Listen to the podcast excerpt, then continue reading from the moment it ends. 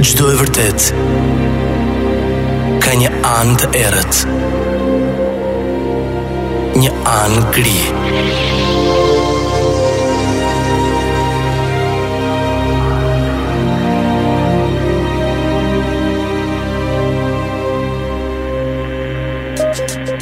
Histogri. Histogri. në Top Albania Radio. Përshëndetje të gjithëve, dëgjohemi sërish në radio dhe ky është episodi 2 i Histogri, një programi të ri që kemi nisur këtë sezon veror, ka qenë surprizues fakti se si u prit episodi i parë dhe komentet rreth historive nga më të pabesueshmet në fakt që kanë qarkulluar rreth Elvis Preslit, ka patur ndjekshmëri dhe komente interesante. Histogri për kë ka Tani në radio, dua t'ju shpjegoj që është një program dokumentar dhe fiksioni, bazuar në personazhe dhe ngjarje që i lidh pjesa më e errët e historive të tyre. Ajo e mbështjellë me mister dhe me dritëhije që pakkush i ka folur dhe duke i mbuluar edhe me mistere dhe me teori konspiracioni, ngjallin gjithmonë debat dhe kureshti. Por kujdes. Ky program nuk është abuziv dhe nuk është abuziv me historitë. Askush nuk sajon, natyrisht për klikime jo e jo. Ky program për ngjarjet dhe historitë që sjell ballafaqon fakte dhe gjithçka është verifikuar më parë. Vapë e madhe ka qenë këtë periudhë. Edhe këto kanë qenë ditë përcëlluse dhe të mendosh që jemi vetëm fillim korriku, nuk jemi as në gusht.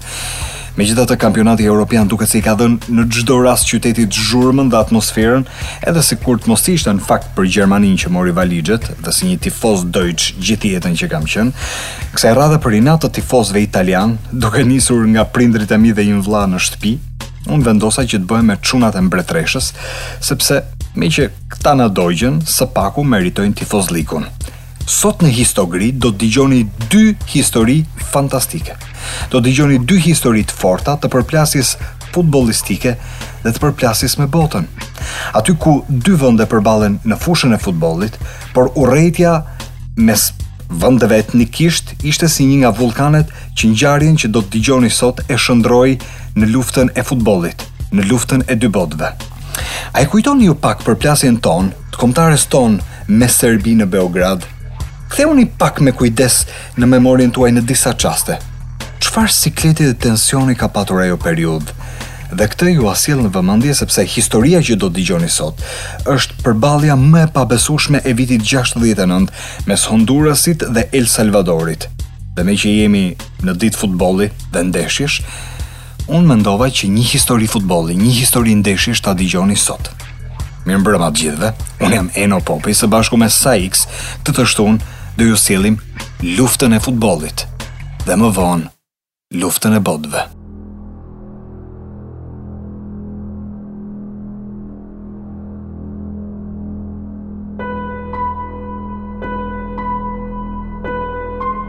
Siç ju tregova pak më parë, kjo që do të dëgjoni është një histori që vjen nga bota e sportit. Saktësisht nga bota e futbollit, një histori që shkon përtej asaj që konsiderohet e vërtetë.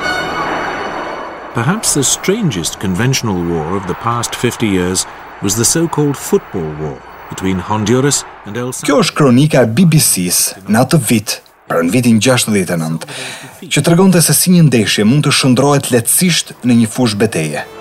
Rasti i ndeshjes me, për shembull, si meqë u riktheva dhe e referova, rasti i ndeshjes tonë me Serbinë në Beograd, kush memorien e ka të fortë dhe të qëndrueshme, e risjell në kujtesë qartë se si flamuri i mbiquajtur Autochthonous, shpërtheu atë që serbët e quajtën provokim, ndërsa ne mbrojtje të dinjitetshme të simboleve të flamurit për atë ngjarje që pasoi pastaj edhe me përballje ligjore nëse ju kujtohet përballje ligjore sportive madje për pikët dhe për krenari të gjithë kanë folur dhe çdo gjë është dokumentuar Dhe rastit në fakt, mund t'i rikthehemi në çdo kohë, po sot jo njëherë.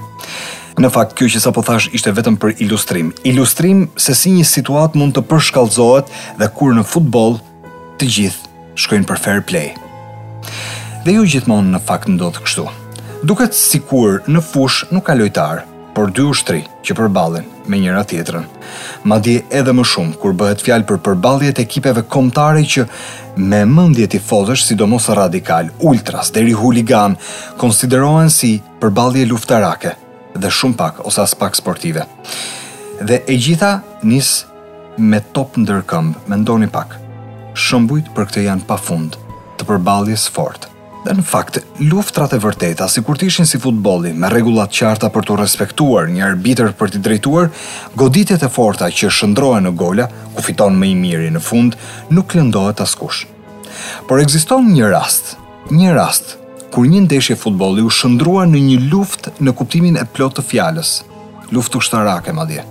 Dhe kjo është historia e luftës së parë të futbollit që shpërtheu në El Salvador dhe Honduras në verën e vitit një mijë e nëntëqind e gjashtëdhjetë e nëntë, një vit përpara Kampionatit Botëror Meksikë shtatëdhjetë. Shteti i El Salvadorit është një vend i vogël në Amerikën Qendrore, një republikë e dalë nga shpërbërja e kolonive spanjolle. Edhe për Hondurasin është pothuajse e njëjta gjë. Dy republika të vogla që lagen nga oqeani, në dy skaje të të njëjtës tokë që bashkojnë Amerikën e Veriut me Amerikën e Jugut. Dhe historitë e dy vendeve janë të ngjashme. kanë kaluar luftëra të forta mbi pavarësimin e tyre, vendosjen e Republikës Presidenciale, tentativa të vazhdueshme për reforma, disa grushte shteti dhe diktatura ushtarake. Raportet midis dy vendeve kanë qenë gjithnjë të acaruara dhe me paqe të brishta pothuajse. Situata që ballkanasit e njohin mirë në fakt, se ç'do të thotë vatër konfliktesh, se çfarë mendje për shembull siç ka qenë një mendje e poshtër e Millosheviçit dhe të tijët, se çfarë pasojash dhe destabiliteti ndëretnik dha jo vetëm për ish Jugosllavinë, por për gjithë Ballkanin. Këto mendjet e nxehta. Por kjo ishte sa për ilustrim, dhe le të fokusohemi pak tek ngjarja për cilin do të flasim sot. Edhe pse gjeografikisht qëndrojnë pranë, El Salvadori dhe Hondurasi kanë patur pretendime territoriale mbi një gji që quhet Fonseca, Një vend me peisazh të bukur, të qetë, optimal për ankorimin e shumë anijeve. Gjiri ujor i Fonsekas është i hapur ndaj oqeanit dhe herë pas here pret uraganet që vijnë nga Paqësori. Fonseca përshkron pjesën më të madhe të Hondurasit, ndërsa në zonën e El Salvadorit ka disa plazhe të cilat janë në këtë gji dhe në pjesën territoriale i takojnë El Salvadorit. Çështja territoriale ka mbetur vazhdimisht pezull, se përse Fonseca nuk i përket El Salvadorit, por i përket Hondurasit. Pretendime që gjithnjë kanë acaruar marrëdhëniet midis dy vendeve, ndërsa çështja tjetër është ajo e emigracionit. Shtetet e Bashkuara kanë një influencë shumë të fortë në këtë rajon dhe përpiqen vazhdimisht ta ruajnë atë. Duke qenë se amerikanët nuk kanë patur marrëdhënie të mira fjala vjen me Kubën e Fidel Castros, mik i sovjetikëve gjatë Luftës së Ftohtë, kërkuan në atë kohë të krijonin një treg të përbashkët me vendet e Amerikës Qendrore dhe inkurajuan vazhdimisht investitorët e tyre të kërkojnë në këto vende. Por këta të fundit bënin investime kuturu, ama në vende që i ofronin infrastrukturë të nevojshme, rrugët, transportin dhe El Salvadori ishte një prej tyre. Tani në raport me Amerikën ka një detaj për t'u përmendur dhe nuk e anashkaloj dot. Amerika e Veriut dhe ajo Qendrore kanë qenë vendet që kanë furnizuar me drogë të gjithë Amerikën e Veriut dhe më pas Europën rrjedhimisht, por kartelet edhe pse dukej sikur luftonin, në fakt kishin lidhje të forta deri tek njerëzit në politikën amerikane dhe trafikimin këta të fundit e njihnin mirë. Paratë e disa prej kompanive të mëdha amerikane që investonin në plantacione si United Fruit Company shkonin për investime në El Salvador. Plantacione të mëdha bananesh shfrytëzonin krahun e punës me kosto të ulët dhe askush s'bëzante që vendi ndodhej në fakt në një diktaturë ushtarake. El Salvadori, kohë pas kohe, shënonte rritje të popullsisë dhe kishte vështirësi për të gjetur mënyra për të ushqyer dhe për të hapur fronte pune, duke qenë se pjesa më e madhe e tokave ishin pushtuar nga plantacionet e amerikanëve. Xhanëm, ata nuk mund të jetonin vetëm duke ngrënë banane, kështu që iu duhej të gjenin punë për të mbajtur familjet e tyre. Kështu që në atë kohë qeveria e El Salvadorit dakordohet me atë të Hondurasit për 300 mijë të papunë të këtij vendi që t'i kalojnë vendit fqinj për t'u sistemuar dhe firmosin madje edhe një marrëveshje të përbashkët. Kështu që emigrantët e El Salvadorit janë një krah i mirë pune për Hondurasin, paguhen pak, ata nisin të kultivojnë toka të djerrë të atij vendi, japin një dorë ekonomisë së Hondurasit dhe kështu fillojnë të trajtohen gjithnjë si emigrantë dhe të zënë një vend në shoqëri. Megjithatë, për çdo rast që nuk shkon dhe për çdo gjë si stereotipi, faji i shkonte gjithmonë emigrantëve. Mendoni pak, as fshatarët e Hondurasit nuk i donin dhe mendonin vazhdimisht që ata po u merrnin punën. Por një krizë politike më vonë bëri që emigrantëve t'u konfiskoheshin të gjitha pasuritë dhe të dëboheshin, të përziheshin me vendim qeveritar, andej nga kishin ardhur, të shkonin në El Salvador, Dhe kjo, pak a shumë, është historia midis dy vendeve që ndikoi shumë në ngjarjen futbollistike të vitit një mijë e nëntëqind e gjashtëdhjetë e nëntë, ku luheshin ndeshjet kualifikuese për Kampionatin Botëror të një viti më pas. Kënga që do të dëgjoni tani është e Martin Garrix. Zëri Bono Vox me muzikën e Martin Garrix shkon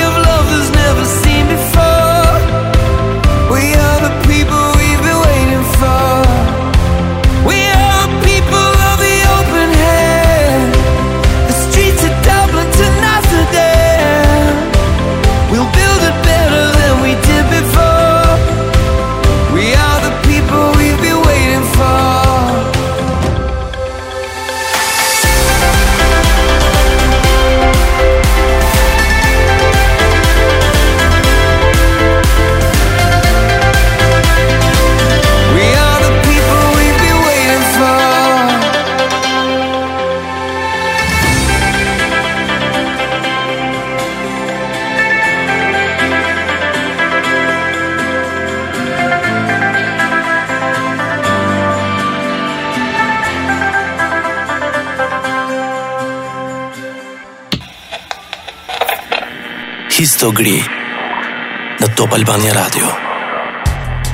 Rikthehemi tek ngjarja, tek ngjarja që po tregojmë sot në radio. Futbolli në Amerikën e Jugut është shumë i rëndësishëm, gati etik. Atje e ndjejnë më shumë se ndoshta në çdo pjesë tjetër të botës futbollin, përveç faktit që është shndërruar në industri, me shkolla sportive, me mundësi punësimi për të bërë para, ku mendoni pak shumë djem, për shembull nga lagjet e varfëra të Brazilit, vetëm nëpërmjet futbollit mund të dalin nga geto. Dhe është një mundësi. Por futbolli është një pasion që shkon edhe përtej fushës së lojës, madje edhe në mënyrë dramatike. Mendoni pak, futbolli në atë pjesë të Amerikës është diçka më shumë, është shumë serioze. Në vitin një mijë e nëntëqind e gjashtëdhjetë e nëntë, kur në marrëdhëniet midis El Salvadorit dhe Hondurasit situata ishte shumë e acaruar me prezencën e, mendoni, përzënies gati 300.000 personave, të dy vendet shkëmbenin sulme të forta në gazeta, televizion, me njësitë diplomatike përfshirë dhe pikërisht në atë vit ishin edhe eliminatorët e botërorit të Meksikës. Botëror që përballi në finale Brazil-Itali, rezultati 4 me 1 në atë kohë, ku italianët më pas u pritën edhe me domate nga tifozët vendas në aeroportin e Romës për turpin e humbjes. Por në vitin 1969 kishte shumë tension për vendet që do të kualifikoheshin nga Amerika Qendrore dhe ishin vetëm dy, dy vende të disponueshme për skuadrat e asaj zone të botës. Dhe duke qenë se Meksika ishte vendi organizator që merrte pjesë në botëror automatikisht, të tjerët duhet të luftonin fort për të vetmin vend të mbetur. 12 ekipe, mes tyre Hondurasi dhe El Salvadori. të cilat fituan pothuajse të gjitha ndeshjet eliminatore dhe daljen në gjysmëfinale së bashku me Haitin dhe Shtetet e Bashkuara të Amerikës. Mes katër ekipeve të mbetura, hidhet shorti se si do të luajnë. Fati vendos që Shtetet e Bashkuara të luajnë me Haitin dhe dy vendet kundërshtare dhe me urrejtje të fortë ndaj njëra-tjetrës të përballen bashkë. El Salvadori kundër Hondurasit. Pas sharjeve, klimës së tensionuar tashmë do duhet të luanin edhe për fitoren se kush do të ëndërronte për botërorin. Rregullorja parashikonte që ekipet të luanin nga dy ndeshje, të parën dhe të kthimit. Shtetet e Bashkuara të Amerikës dhe Haiti i luajtën ndeshjet në Porto Prince dhe në Amerikë. Haiti fitoi të dyja takimet dhe doli në finale.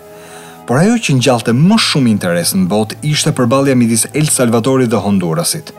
Ndeshja e parë u luajt në stadiumin Francisco Morazan në kryeqytetin e Hondurasit, saktësisht në datën tetë qershor të gjashtëdhjetë e nëntës.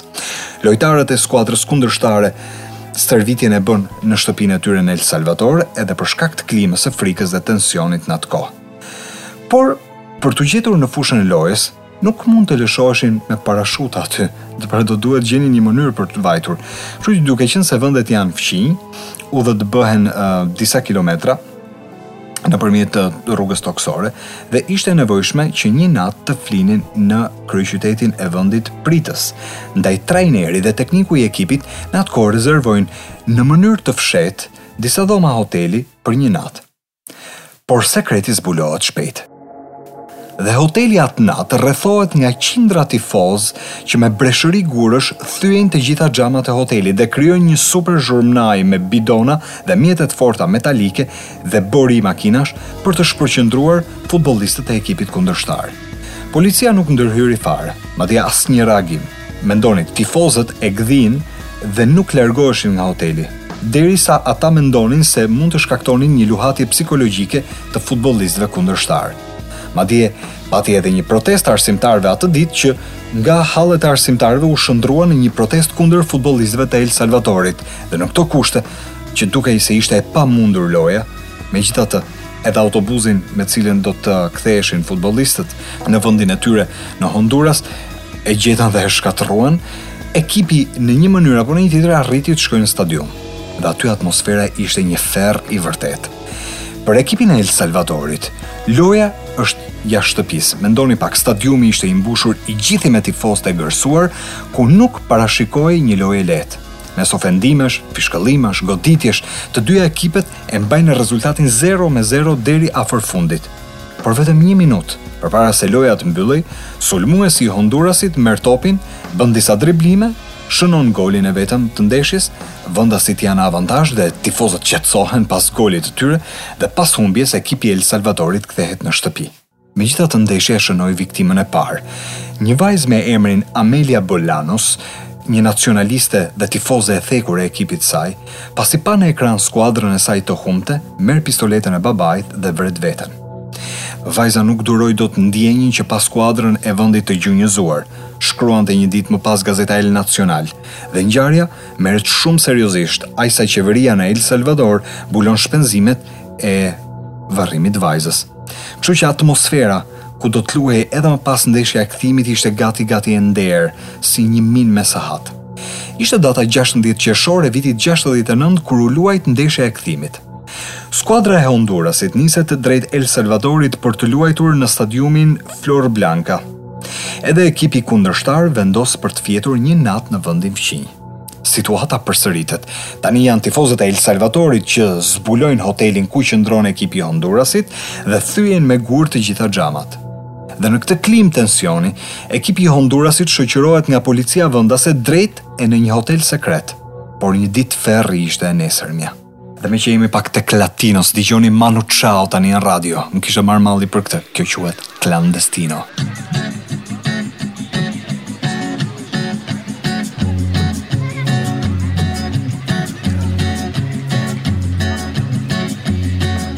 Solo voy con mi pena, sola va mi condena, correr es mi destino para burlar la ley.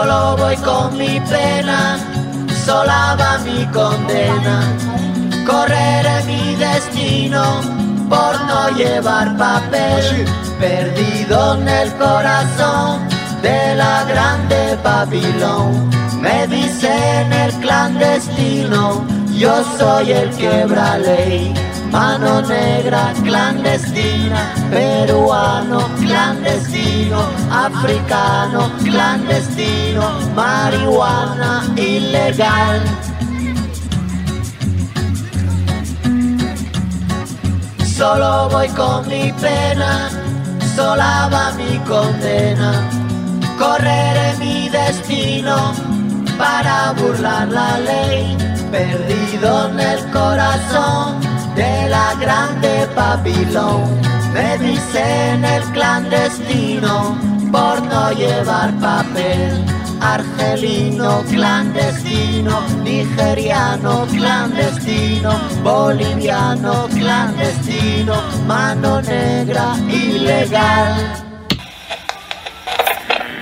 Histogri në Top Albania Radio. Do t'i rikthehemi tani historisë së përballjes më antisportive të vitit 69 midis Hondurasit dhe El Salvadorit. Të parët u shoqëruan me eskorta dhe mjete të rënda ushtarake drejt stadiumit. Himni i tyre, më e pakta u fishkëllye, ndërsa jashtë stadiumit ishte pothuajse një kaos i plotë, dy të vdekur, dhjetra të plagosur dhe makina dhe dyqane në flakë. Ajo që ndodhi në fushën e lojës pastaj kishte shumë pak rëndësi. Ndeshja shkoi 3-0 për El Salvadorin, sepse kujt do ia mbante të shënonte nga Hondurasi në atë situatë tensioni dhe klime të acaruar. Ata mendonin vetëm të përfundonin lojën dhe të ktheheshin sa më shpejt në shtëpi. Por pas fitoreve respektive në fushat e tyre, në klasifikim ishin barazim, ndaj të dyja ekipeve iu duhej që të luanin dhe një ndeshje tjetër përcaktuese, përcaktuese se kush do të shkonte në botëror dhe u vendos një fushë neutrale. Më 27 qershor në stadiumin Azteka në Meksik, nën masa të rrepta ku angazhuan 5.000 forca policore dhe ndeshja përfundoi në atë kohë me penallti me fitoren e El Salvadorit, u duk se në fakt mbaroi, por nuk mbaroi me kaq. Tifozët e të dyja palëve shpërthyen në fushë në atë ndeshje, që u kthye gati një fushë betejë e përgjakshme. Situata u bë aq e fortë sa të dyja vendet i shpallën luftë ushtarake më pas njëra-tjetrës. Që atë mbrëmje, qeveria e Hondurasit ndërpreu marrëdhënie diplomatike me qeverinë e El Salvadorit dhe nisi sulmet. bombardoi ushtrinë armike dhe hyn ushtarakisht deri në kryeqytetin e vendit fqinj, ndër të tjera pushtojnë edhe gjirin e Fonsekas. Edhe ushtria e El Salvadorit bombardon Hondurasin duke shkaktuar dhjetra viktima. E gjitha dukej një luftë absurde pasi futbolli u bë shkaku i vetëm për një situatë të komplikuar midis dy vendeve dhe për arsye ekonomike dhe territoriale, duhet të shtojmë këto. Pesë mijë e shtatëqind viktima ka patur vetëm në gjashtë ditë dhe tre mijë e gjashtëqind prej tyre ishin civilë. Pesëmbëdhjetë mijë mbetën gati të pastrehë pastaj nga kjo lufta ushtarake. Mendoni, armëpushimin mes dy vendeve e vendosi Organizata e Vendeve të Amerikës së Jugut, ku u desh të kalonin edhe 20 vite të tjera që midis dy vendeve, Hondurasit dhe El Salvadorit, të nënshkruhej një traktat paqeje. Për ngjarjen është shkruar dhe një libër që quhet Lufta e futbollit, dhe e njerëzve të varfër nga antropologu Risar Kapuçinski. Dhe është pikërisht kështu në fakt. Kjo që dëgjuat ishte lufta më absurde e njerëzve të varfër. Dhe për ta mbyllur në fakt këtë histori, sa për statistikën e kohës, El Salvadori arriti të hynte në botëror. Por vetëm kaq, nuk pati asnjë rezultat, nuk pati asnjë fitore dhe u mund në të gjitha ndeshjet dhe u kthye në shtëpi. Okej, vetëm pas pak, vetëm pas pak bëhuni gati për një tjetër histori. për luftën, atë që në fakt nuk do t'ju besohet. Në Amerikën e viteve 30, mjeti më i fuqishëm i komunikimit në atë kohë ishte radio, që nxiti një luftë dhe një radio në New York dhe kur të shkon mendja në New York ti dëgjon Jay-Z dhe Alicia Keys me Empire State of Mind.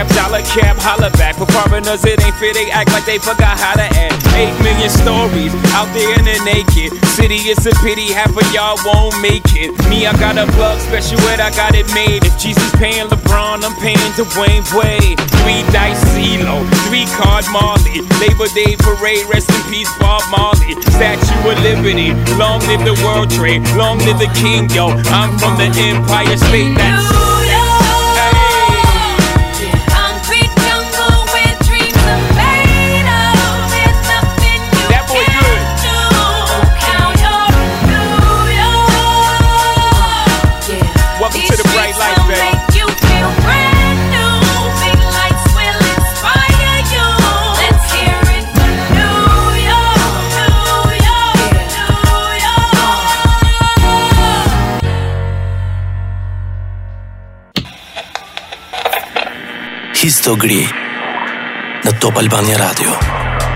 Radion tani unë jam shumë i bindur që e dëgjojnë mosha të ndryshme. Ata që kanë lindur me radion kur televizioni ishte me orar në komunizëm, ata që televizionin në demokraci më pas e kthyen si radio se e mbanin gjithë ditën hapur në shtëpi, dhe ata që radio nuk e ndanë kurrë nga vetja. Edhe pse shumë prej njerëzve që i dëgjojnë në radio Sot jua njohin edhe portretin, nga televizioni, rrjetet sociale, ka mënyra plot. Por dikur ishte krejt ndryshe, komplet ndryshe. Kishte kuriozitet për zërin që lëshohej në eter, kush e di nga ku, informonte, argëtonte dhe gjithmonë kishin një kuriozitet se si mund të ishte njeriu që fliste në radio. Ishte koha kur sapo lindi radio dhe quhej mjeti më i ri i komunikimit me masën. Të vërtetat dhe rrëfimet dëgjoheshin në radio në atë kohë. Historia që do të dëgjoni tani është e fortë deri e pabesueshme.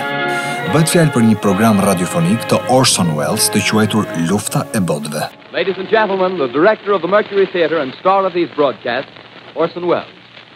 We know now that in the early years of the 20th century, this world was being watched closely by intelligences Greater than man's. Dhe regjistrimet janë të vjetra, janë të vitit një mijë e nëntëqind e tridhjetë e tetë, në datën tridhjetë tetor, nata e Halloween-it, dhe kush po qëndronte në shtëpi po dëgjonte në atë kohë në radio, atë natë, atë mbrëmje, një program të bukur në CBS, The Chase and Sanborn Hour. Emri i një marke, le të themi kafeje, dhe programi, që ishte gati një kabaret në radio me aktorë komikë, batuta, skeçe, këngëtarë dhe muzikantë, e prezantonte komediani Don Ameche. Njerëzit e dëgjonin, qeshnin, u pëlqente programi, po kujt i rastisi ta dëgjonte atë natë në mbrëmje? 12 minuta pas orës 20 që po transmetohej ky kabaret në radio, ajo që dëgjuan më pas nuk ishte për të qeshur, përkundrazi. Tingëllonte e pazakontë për programin që ishte duke u transmetuar. Befas dëgjohet një zë, që flet në radio, kishte një narrativ gati të një profesori dhe që fliste për Marsin dhe për planetet, tregonte gjëra misterioze që për amerikanët e viteve 30 ngjallnin frikë, pasi në atë kohë, mendoni pak njeriu ende nuk ishte zbritur në hënë, dhe më pas dëgjohet Edicioni i lajmeve në radio ishte një edicion i jashtëzakonshëm. Gazetari në mikrofon me një zë që i dridhej, fliste për flakë, shkatërrim, ushtarë që po digjeshin, të gjallë nga rrezet iks dhe teksa ishin duke folur dëgjohet befas një ulërimë dhe kaq. Ndërpritet transmetimi, heshtje, asnjë sinjal. Çfarë ndodhi? Programacioni në radion CBS fillon sërish. Dhe sërish pastaj me kabare, me humor, por mendoni pak sapo kishin shkaktuar një habi popullore. Por pas gjithë kësaj, që dëgjuan më, kush do ta vinte më veshin tek humori në radio, sidomos banorët e New Jersey-t, aty ku u raportua se po ndodhte ngjarja e tmerrshme. Befas nis një furi telefonatash nga kudo dhe kushdo. Linjat me policinë ishin pothuajse të bllokuara gjatë gjithë kohës nga fluksi. Telefonatat binin kudo në radio dhe redaksitë e gazetave dhe në shtëpitë e komshive. Të gjithë ishin në frikë, çfarë po ndodhte? Dhe dukej sikur situata kishte dalë jashtë kontrollit, sidomos në qytezën Grover's Mill, ku popullata del me makina në rrugë dhe me armë në duar sepse në radio u fol për një luftë për pushtimin nga hapësira, për marsianët që ishin shpërndarë ngado në qytet dhe zërave u shtohet edhe fakti se dhe banorët sapo i kishin parë në të vërtetë marsianët në periferi të zonës së banuar, kur në fakt në rrugë nuk dukej as ushtria dhe në radio u tha se ishin eliminuar nga marsianët. Tani e dëgjuar kjo është gati e pabesueshme. por ka ndodhur vërtet. Në rrugë gjendej vetëm policia, që tentonte të qetësonte njerëzit në panik se edhe policia s'po kuptonte çfarë kishte ndodhur në të vërtetë. Po kush besonte të kundërtën? Ë? Tani më, ishte shumë vonë. Të gjithë besonin se kishin zbritur marsianët dhe kishte nisur një luftë mes botëve. Banorët e New Jerseyt besonin se atë që e tha radio, se marsianët shpërndan gaz toksik dhe që helmonte njerëz, në panik Nisën të kolliten dhe aty u besua edhe më fort që ishte përhapur vërtet gaz. O zot ça situate, vetëm duke imagjinuar duket surreale. Gjithçka ndodhi në 30 tetor, në natën e Halloweenit, kur të gjithë besuan pushtimin marsian. Por asgjë nuk ishte vërtet. Edhe pse u tha në radio dhe tingëlloi reale. Por njerëzit këtë nuk e dinin, sepse e besuan atë që dëgjuan. Kënga që do dëgjoni tani është The Buggles. është një nga ikoniket kur flitet për radion, quhet Video Kill the Radio Star. Dëgjojeni tani tek Histo Gri. I heard you on the wireless back in 52 Lying awake intently tuning in on you If I was young it didn't stop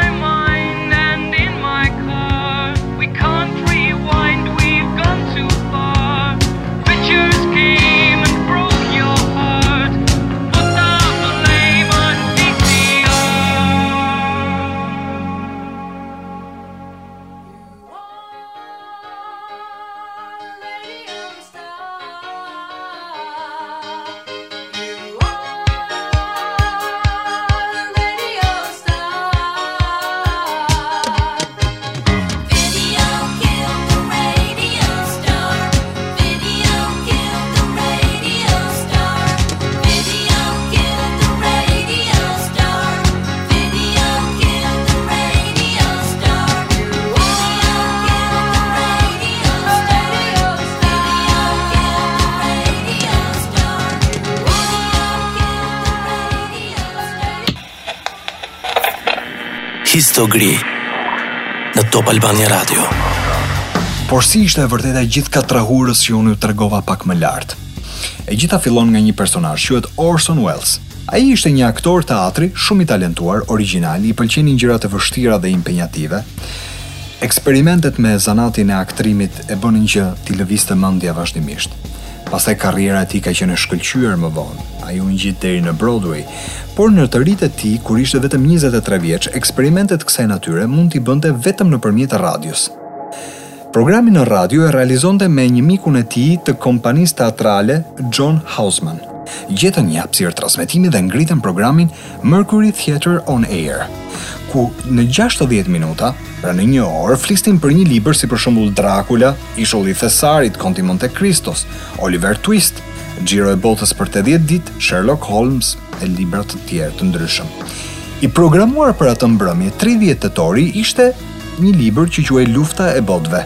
Libër i uh, fantashkencës, ishte një rrëfim i gjatë i vendosur në Anglinë e viteve 800 që fliste për një pushtim alien që vinte nga Marsi dhe që uh, do të ndizte dhe shkrumbonte tokën.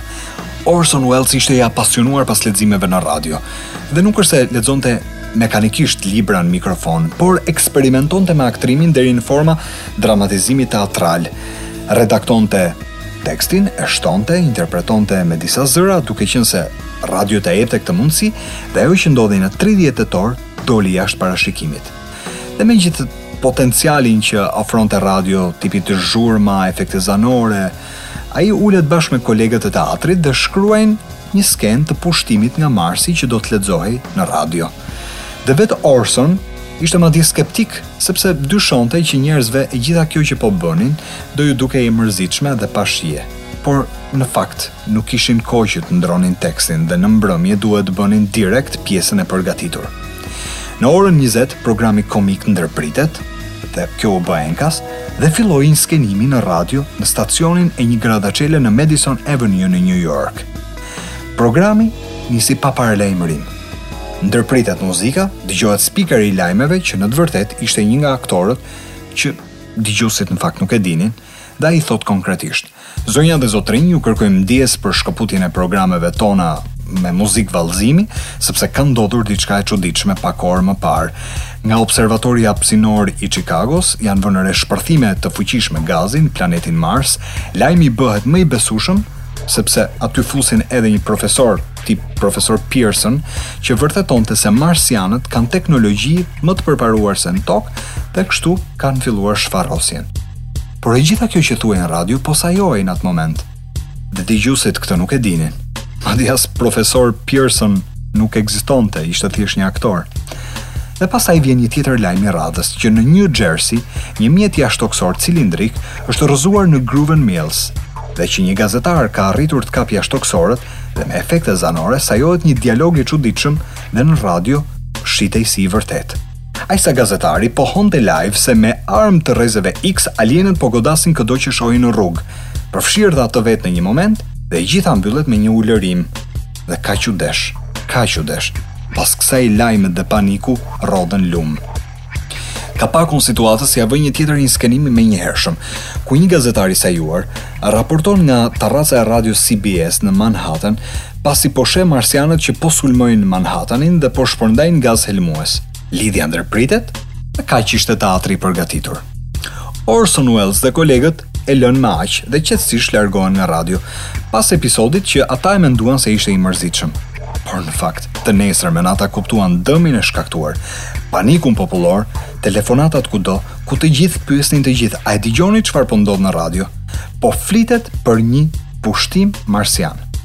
Mijëra telefonata arrijnë në polici dhe në studion e radios, të cilët në fakt përpiqeshin të qetësonin njerëzit se Kjo që po dëgjoni ishte një program komik, por askush nuk donte të besonte. Katrahura ishte bërë shumë e madhe. Njerëzit ishin drejtuar me armë deri në New Jersey për të luftuar, madje viktimë u bënë dhe dy fshatarë të cilët mbanin fanarë në duar, por turma histerike i pandehu sikur ishin jashtëtokësorë dhe i kishin qëlluar për vdekje. Paniku vetë ushqehet dhe shtohet në atë kohë nga 6 milion dëgjues të radios, të radios CBS, 2.5 e besuan dhe e shpërndanë lajmin si të vërtetë. Në këtë mënyrë, Orson Welles, për sajesën që bëri, befas bëhet i njohur dhe për të shkruajnë të gjitha gazetat e botës. Por pak kohë më vonë, do të niste lufta e dytë botërore.